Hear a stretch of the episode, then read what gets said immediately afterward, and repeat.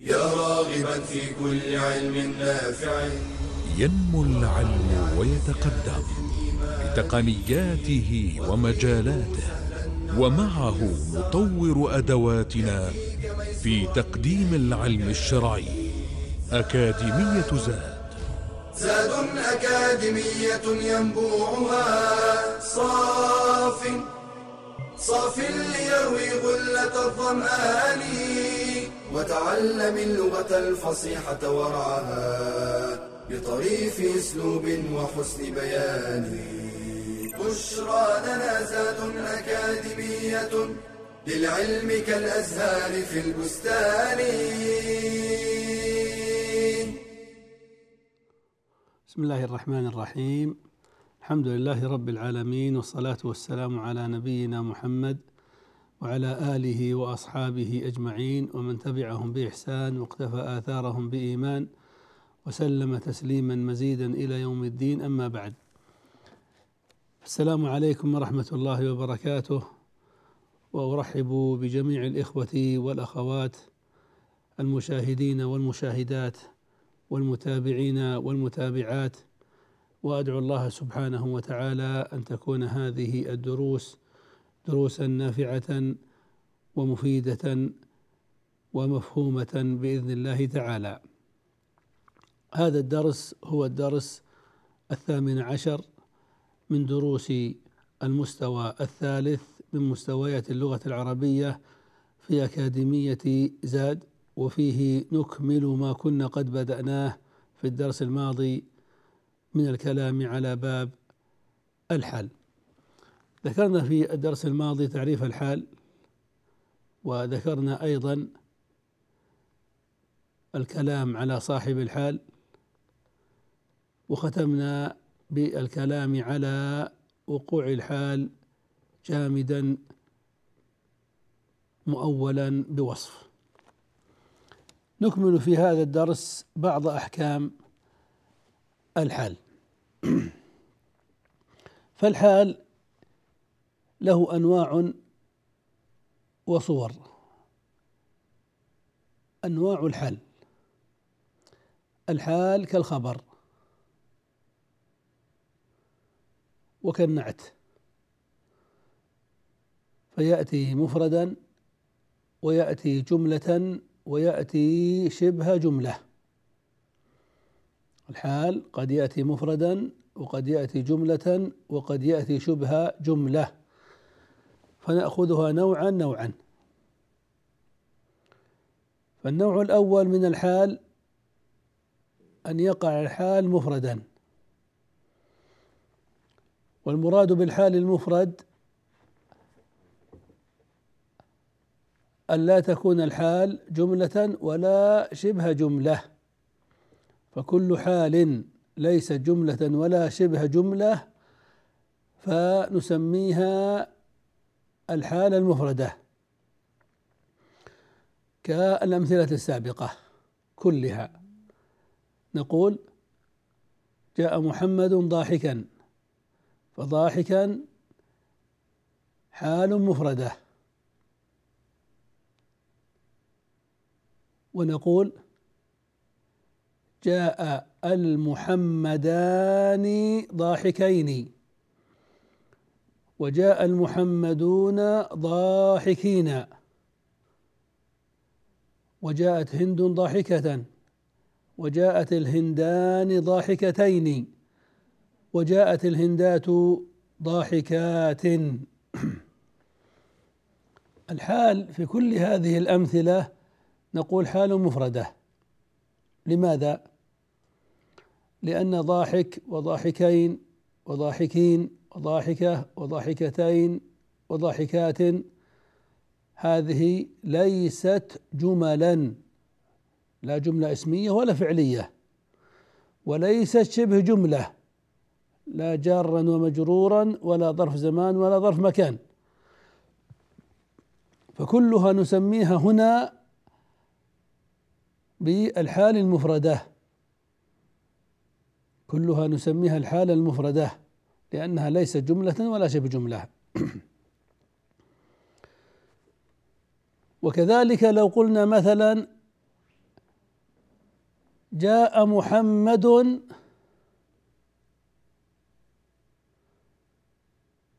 مكسور اليد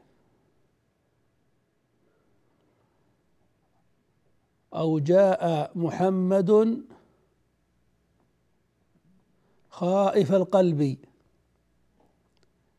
أو جاء محمد شعث الشعر يعني جاء حالة كونه خائف القلب وحالة كونه مكسور اليد. وقولنا مكسور اليد هذا مضاف ومضاف إليه. يعني ليس جملة لا اسمية ولا فعلية ولا شبه جملة لا جارا ومجرورا ولا ظرفا. إذا يكون من الحال المفردة أيضا.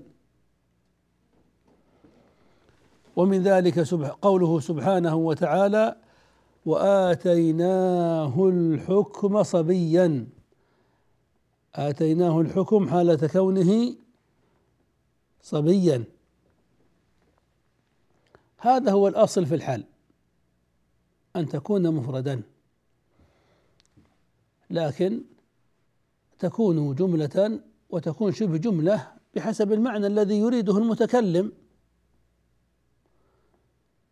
فلهذا ننتقل إلى النوع الثاني من أنواع الحال وهي الحال الجملة. أن تقع الحال جملة. وما المراد بالجملة؟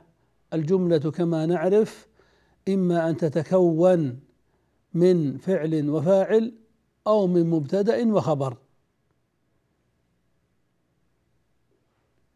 فالجملة الفعلية تقع حالا. كقولنا مثلا جاء محمد يضحك.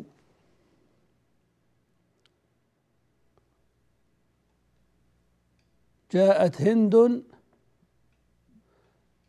تركض. ففي قولنا جاء محمد يضحك. يعني جاء محمد حالة كونه يضحك. فالحال يضحك. وما إعراب يضحك؟ ها ما إعراب يضحك؟ يضحك فعل مضارع. مرفوع وعلامة رفعه الضمة لأنه لم يسبق بناصب ولا بجازم تمام. ولكل فعل فاعل. لكل فعل فاعل بعده فإن ظهر وإلا فهو ضمير مستتر. فأين فاعل يضحك؟ ضمير مستتر تقديره هو يعود إلى محمد. إذا فقولنا يضحك جملة فعلية تتكون من فعل ظاهر ومن فاعل مستتر. وهذه الجملة الفعلية من الفعل والفاعل المستتر هي التي وقعت حالا. فنقول يضحك فعل والفاعل ضمير مستتر والجملة من الفعل والفاعل حال في محل نصب. الجملة إذا كان لها إعراب فهي في محل في محل نصب.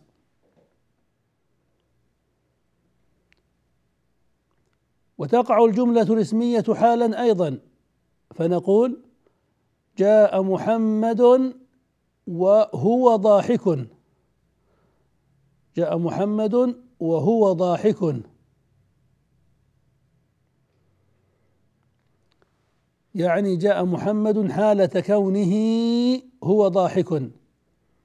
فهو مبتدأ لأنه ضمير والضمير اسم وضاحك خبر المبتدأ والجملة الاسمية هو ضاحك. حال في محل نصب. والجملة الحالية يجوز أن تقترن بواو تسمى واو الحال ويجوز ألا تقترن بالواو. فيجوز أن نقول جاء محمد وهو ضاحك أو جاء محمد هو ضاحك. والواو واو الحال تعرب إعراب الحروف. نقول واو الحال مبني على الفتح لا محل له من الإعراب. ومن ذلك قوله سبحانه وتعالى يعني من وقوع الجملة حالا قوله تعالى قالت يا ويلتى أألد وأنا عجوز؟ وقوله فقال لصاحبه وهو يحاوره؟ وقوله وجاءوا أباهم عشاء يبكون. ثلاث آيات تأملوا في الحال فيها. لنناقشها بإذن الله بعد الفاصل فانتظرونا. بشرى لنا زاد أكاديمية للعلم كالأزهار في البستان.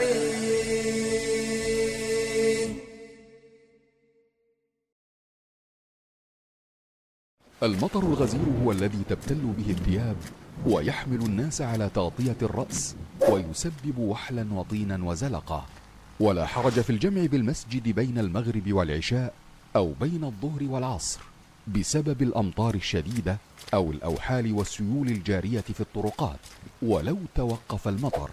لما في ذلك من المشقة والحرج. وأما الفجر فلا جمع بينه وبين صلاة أخرى. والأصل في ذلك ما جاء عن ابن عباس رضي الله عنهما قال جمع رسول الله صلى الله عليه وسلم بين الظهر والعصر والمغرب والعشاء بالمدينة من غير خوف ولا مطر. فقيل لابن عباس ما أراد إلى ذلك؟ قال أراد الا يحرج أمته. وقد دل ذلك على أنه قد استقر عند الصحابة رضي الله عنهم أن الخوف والمطر عذر في الجمع كالسفر لكنه يكون جمعا دون قصر. ومن كان بيته قريبا إلى المسجد أو كان يخرج إلى المسجد في السيارة أو يمشي في طريق مظلل فإنه يجمع الصلاة أيضا مع المصلين في المسجد لأن النبي صلى الله عليه وسلم ما فرق بين القريب والبعيد وكان يخرج من بيته وهو ملاصق للمسجد فيصلي بالناس ويجمع. وأما اشتراط النية للجمع بين الصلوات فليس بواجب بل متى وقع السبب ولو بعد الصلاة الأولى جمع. وصدق الله إذ يقول ما يريد الله ليجعل عليكم من حرج ولكن يريد ليطهركم وليتم نعمته عليكم لعلكم لعلكم تشكرون.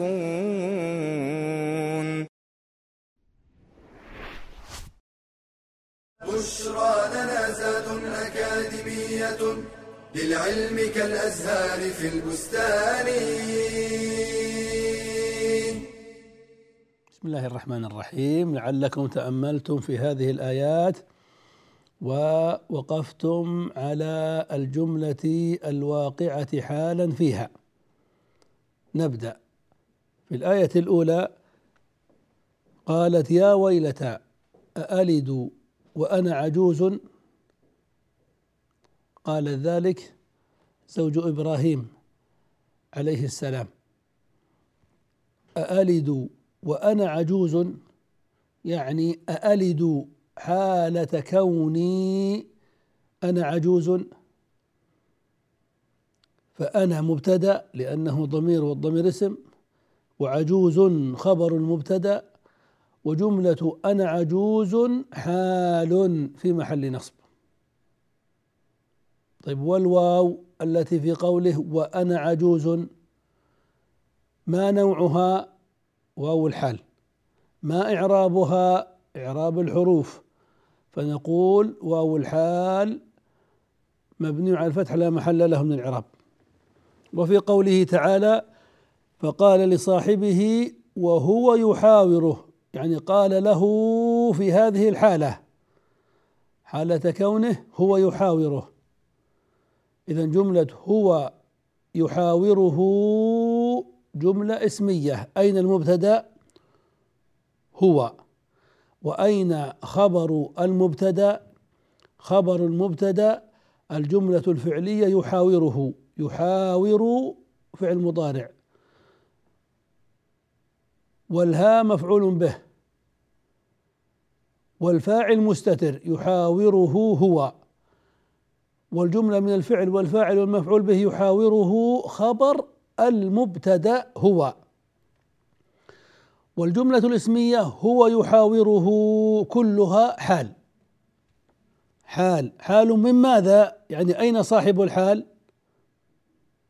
فقال لصاحبه وهو يحاوره حال من فاعل قال.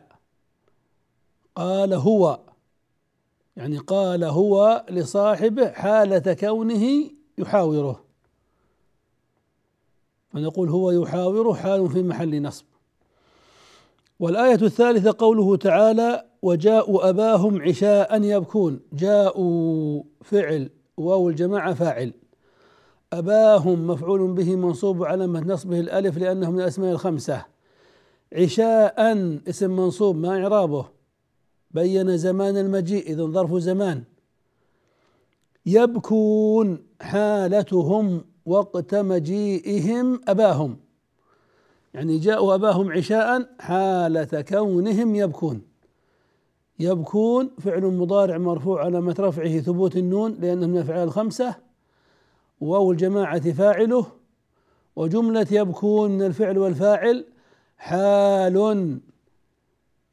من واو الجماعة في جاءوا في محل نصب.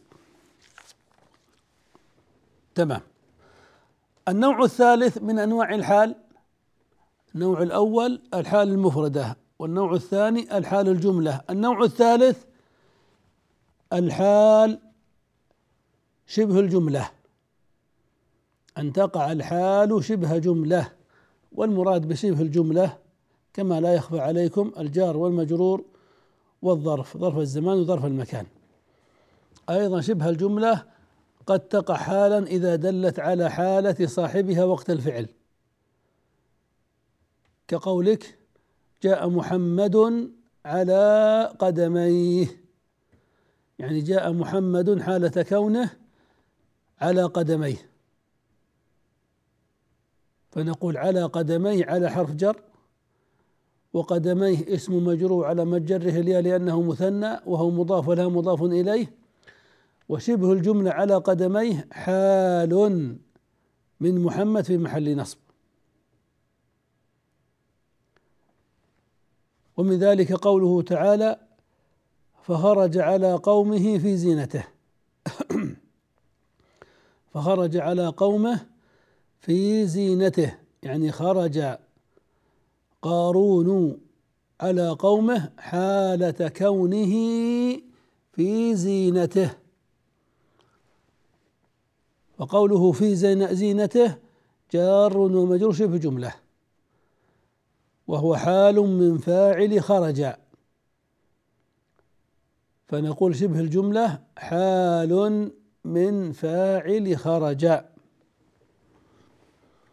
فالخلاصة أن الحال قد تكون جملة وقد تكون شبه جملة فإذا لم تكن جملة ولا شبه جملة فهي حال مفردة. ثم ننتقل إلى حكم آخر من أحكام الحال وهو تعدد الحال. الحال يجوز أن تتعدد كما أن الخبر يجوز أن يتعدد والصفة النعت يجوز أن تتعدد. ما معنى تتعدد؟ يعني تأتي بأكثر من حال. بحسب المعنى. فيجوز أن تقول جاء محمد راكضا. راكضا حال من محمد. ويجوز أن تقول جاء محمد راكضا خائفا. حالان. راكضا حال أولى منصوب وخائفا حال ثانية منصوب. ويجوز أن تقول جاء محمد راكضا خائفا مسرعا. وهكذا بحسب المعنى الذي تريد أن تخبر عنه. فنعدد. حال أولى وثانية وثالثة وهكذا. ونقول جاء أخي مسرعا مسرورا فرحا منشرحا وهكذا. ومن ذلك قوله سبحانه وتعالى ارجعي إلى ربك راضية مرضية. ارجعي إلى ربك. يعني النفس المطمئنة. ارجعي إلى ربك حالة كونك راضية. بما قضيناه لك. مرضية عنك. فراضية حال أولى من فاعل ارجع يعني من ياء المخاطبة ومرضية حال ثانية. ومن ذلك قوله فرجع موسى إلى قومه غضبان أسفا. غضبان أسفا. غضبان حال من موسى وقت الرجوع وأسفا حال ثانية من موسى وقت الرجوع. والأسف هنا شدة الغضب. غضبان حال أولى منصوب على من نصب الفتحة ولم ينون لأنه ممنوع من الصرف. وأسفا حال ثانية منصوب على من نصب الفتحة. ومن ذلك أيضا قوله سبحانه وتعالى ولا تحسبن الله غافلا عما يعمل الظالمون. إنما يؤخرهم ليوم تشخص فيه الأبصار مهطعين مقنعي رؤوسهم لا يرتد إليهم طرفهم وأفئدتهم هواء. إنما يؤخرهم يؤخر من؟ يؤخر الظالمين. هم في يؤخرهم تعود إلى الظالمين الذين ليس الله غافلا عما يعملون. إنما يؤخرهم ليوم تشخص فيه الأبصار حالة كونهم مهطعين مقنعي رؤوسهم لا يرتد إليهم طرفهم وأفئدتهم هواء. أربعة أحوال. إنما يؤخرهم ليوم القيامة حالة كونهم مهطعين. يؤخرهم ليوم القيامة مقنعي رؤوسهم. يؤخرهم ليوم القيامة لا يرتد إليهم طرفهم. يؤخرهم ليوم القيامة وأفئدتهم هواء. أربعة أحوال. مهطعين حال مفردة. مقنعي رؤوسهم حال مفردة لأنه مضاف مضاف إليه. لا يرتد إليهم طرفهم. جملة فعلية وقعت حالا. وأفئدتهم هواء. جملة اسمية وقعت حالا ونكمل إن شاء الله بعد الفاصل فانتظرونا. بشرى لنا زاد أكاديمية للعلم كالأزهار في البستان.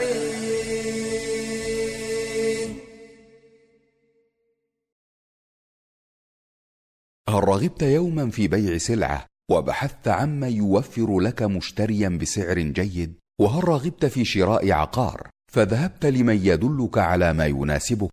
هذه هي حقيقة السمسرة وعمل السمسار حلال والأجرة عليه مباحة. ويجب أن يكون السمسار ناصحا. فيدل صاحب السلعة على أفضل مشتر ويدل المشتري على أفضل سلعة. مصداقا لقول النبي صلى الله عليه وسلم الدين النصيحة. ويجب أن يكون صادقا في وصف السلعة فلا يغالي فيها. ولا يحط من قدرها ليجامل من وسطه بائعا كان أو مشتريا. وإذا حكماه في تقدير ثمن السلعة فليقومها بالعدل فهي شهادة وأمانة. قال تعالى يا أيها الذين آمنوا كونوا قوامين لله شهداء. وإذا عمل السمسار لأحد المتعاقدين لم يجز له أن يتواطأ مع الطرف الآخر على زيادة السعر أو إنقاصه. فهذا غش وخيانة. لا سيما إذا تولى السمسار العقد لأنه وكيل مؤتمن ويأخذ السمسار أجرته من البائع أو المشتري أو منهما بحسب الشرط أو العرف. فإذا لم يكن شرط ولا عرف فالأجرة على من وسطه منهما. ويجب أن تكون الأجرة معلومة بأن تكون مبلغا مقطوعا كعشرة أو نسبة مئوية من ثمن السلعة كاثنين بالمئة مثلا. أو يقول له بعه بمئة وما زاد فهو لك. قال ابن عباس لا بأس أن يقول بع هذا الثوب فما زاد على كذا وكذا فهو لك. وقال ابن سيرين إذا قال بعه بكذا فما كان من ربح فهو لك. أو بيني وبينك فلا بأس به. وهذا من الشروط الجائزة فيجب الوفاء بها. قال النبي صلى الله عليه وسلم المسلمون على شروطهم إلا شرطا حرم حلالا أو أحل حراما. بشرى لنا زاد أكاديمية للعلم كالأزهار في البستان. بسم الله الرحمن الرحيم. وكما تقع الحال مفردة تقع أيضا مثنات مثناة ومجموعة. تقع مفردة ومثناة ومجموعة. ومفردة هنا مقابل مثناه مجموعة يعني ما ليست مثناه ولا مجموعة. فجاء محمد ضاحكا يقول مفرد. وجاء محمد جاء وجاء المحمدان ضاحكين الحال هنا مثناه وجاء المحمدون ضاحكين الحال هنا مجموعة. كل هذا يجوز في اللغة بحسب المعنى الذي يريده المتكلم. ومن ذلك قوله سبحانه وتعالى وسخر لكم الشمس والقمر دائبين دائبين حال من الشمس والقمر. يعني سخرهما حالة كونهما دائبين. وقال يغشي الليل النهار يطلبه حثيثا والشمس والقمر والنجوم مسخرات بأمره. مسخرات حال.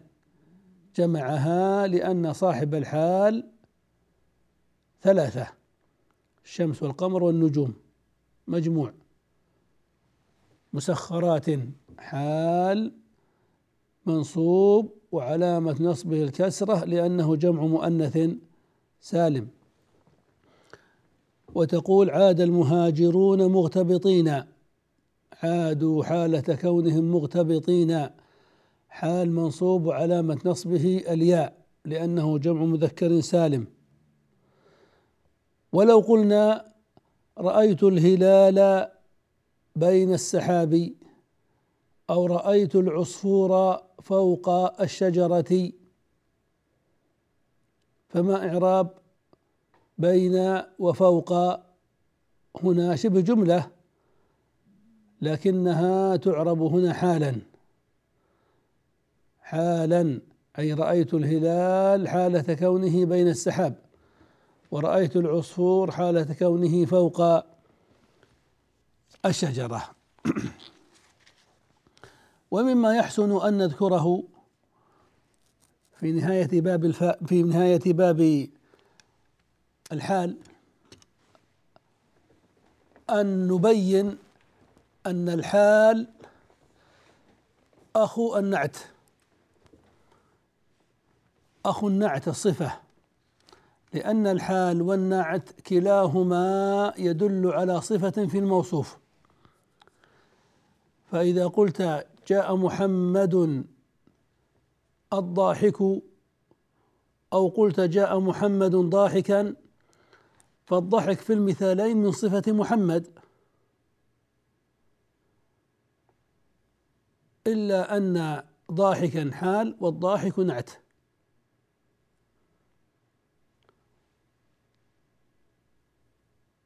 فهما يتفقان في كونهما وصفين. وفي كونهما يدلان على صفة في الموصوف لكنهما يختلفان في أمرين. يختلفان في أمرين الأول لفظي والثاني معنوي.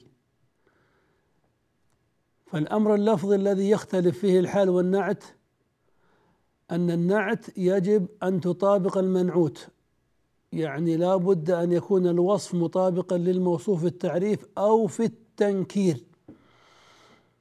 وأما الحال فيجب أن تخالف الموصوف. تكون نكرة والموصوف معرفة. فلهذا يقولون الوصف إذا طابق الموصوف التعريف أو التنكير فهو نع فهو نعت وإذا خالفه فهو حال فنقول جاء الطالب الضاحك نعت. وجاء طالب ضاحك نعت. وجاء الطالب ضاحكا حال. وتقول اشتريت السيارة الجديدة نعت. واشتريت سيارة جديدة نعت. واشتريت السيارة جديدة حال. وتقول أكلت الطعام الطازج أكلت الطعام الناضج نعت. وأكلت طعاما ناضجا نعت وأكلت الطعام ناضجا حال. وتقول أحب الطالب المؤدب نعت. وأحب طالبا مؤدبا نعت. وأحب الطالب مؤدبا حال. وهكذا. فالنعت والحال أخوان يدلان على صفة في الموصوف. فإن طابقت الصفة الموصوف في التعريف أو في التنكير فنعت وإن خالفته فحال. هذا الفرق اللفظي بينهما. وأما الفرق المعنوي فإن الحال تدل على صفة في الموصوف في وقت معين وهو وقت حدوث الفعل كما شرحنا ذلك. وأما النعت فليس معناها كذلك. النعت تدل النعت يدل على صفة معروفة في الموصوف. النعت يدل على أن هذه الصفة من الصفات المعروفة في الموصوف. فإذا قلت جاء محمد الضاحك يعني أن الضحك من الصفات المعروفة لمحمد فلهذا وصفته بها.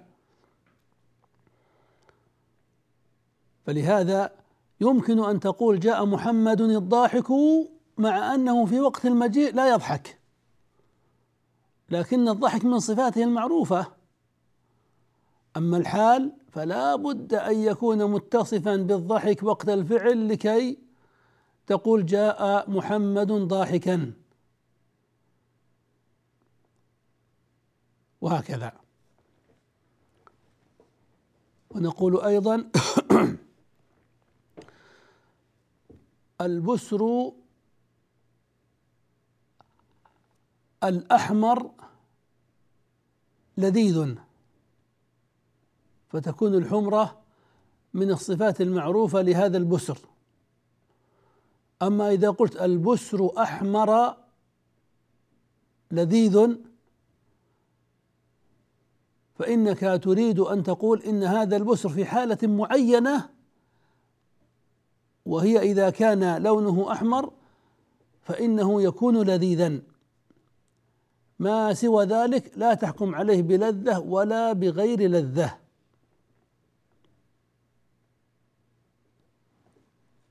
فمعرفة هذه المعاني والتفريق بينها والوقوف عندها والتأمل فيها من الأمور المهمة التي ينبغي للطالب ولدارس النحو أن يعتني بها لأنها توقفه على الحقائق والدقائق التي تضبط له هذا العلم وتمكنه من الوصول إلى البلاغة والفصاحة التي يبني العربي عليها كلامه. فليست الأحكام النحوية احكاما رياضية جامدة بل هي أحكام تتعامل مع المعنى وتتفاعل معه إلى أقصى مدى. وينبغي على المتكلم أن يراعي ذلك وأن يفهمه. هذا ما يتعلق بشرح الحال. لننتقل بإذن الله تعالى في الدرس القادم إلى شرح التمييز وهو أيضا من المكملات المنصوبات فإلى ذلكم الحين. أستودعكم الله. والسلام عليكم ورحمة الله وبركاته. يا راغبا في كل علم نافع متطلعا لزيادة الإيمان وتريد سهلا النوال ميسرا. يأتيك ميسورا بأي مكان. زاد زاد أكاديمية ينبوعها. صاف صاف ليروي غلة الظمآن.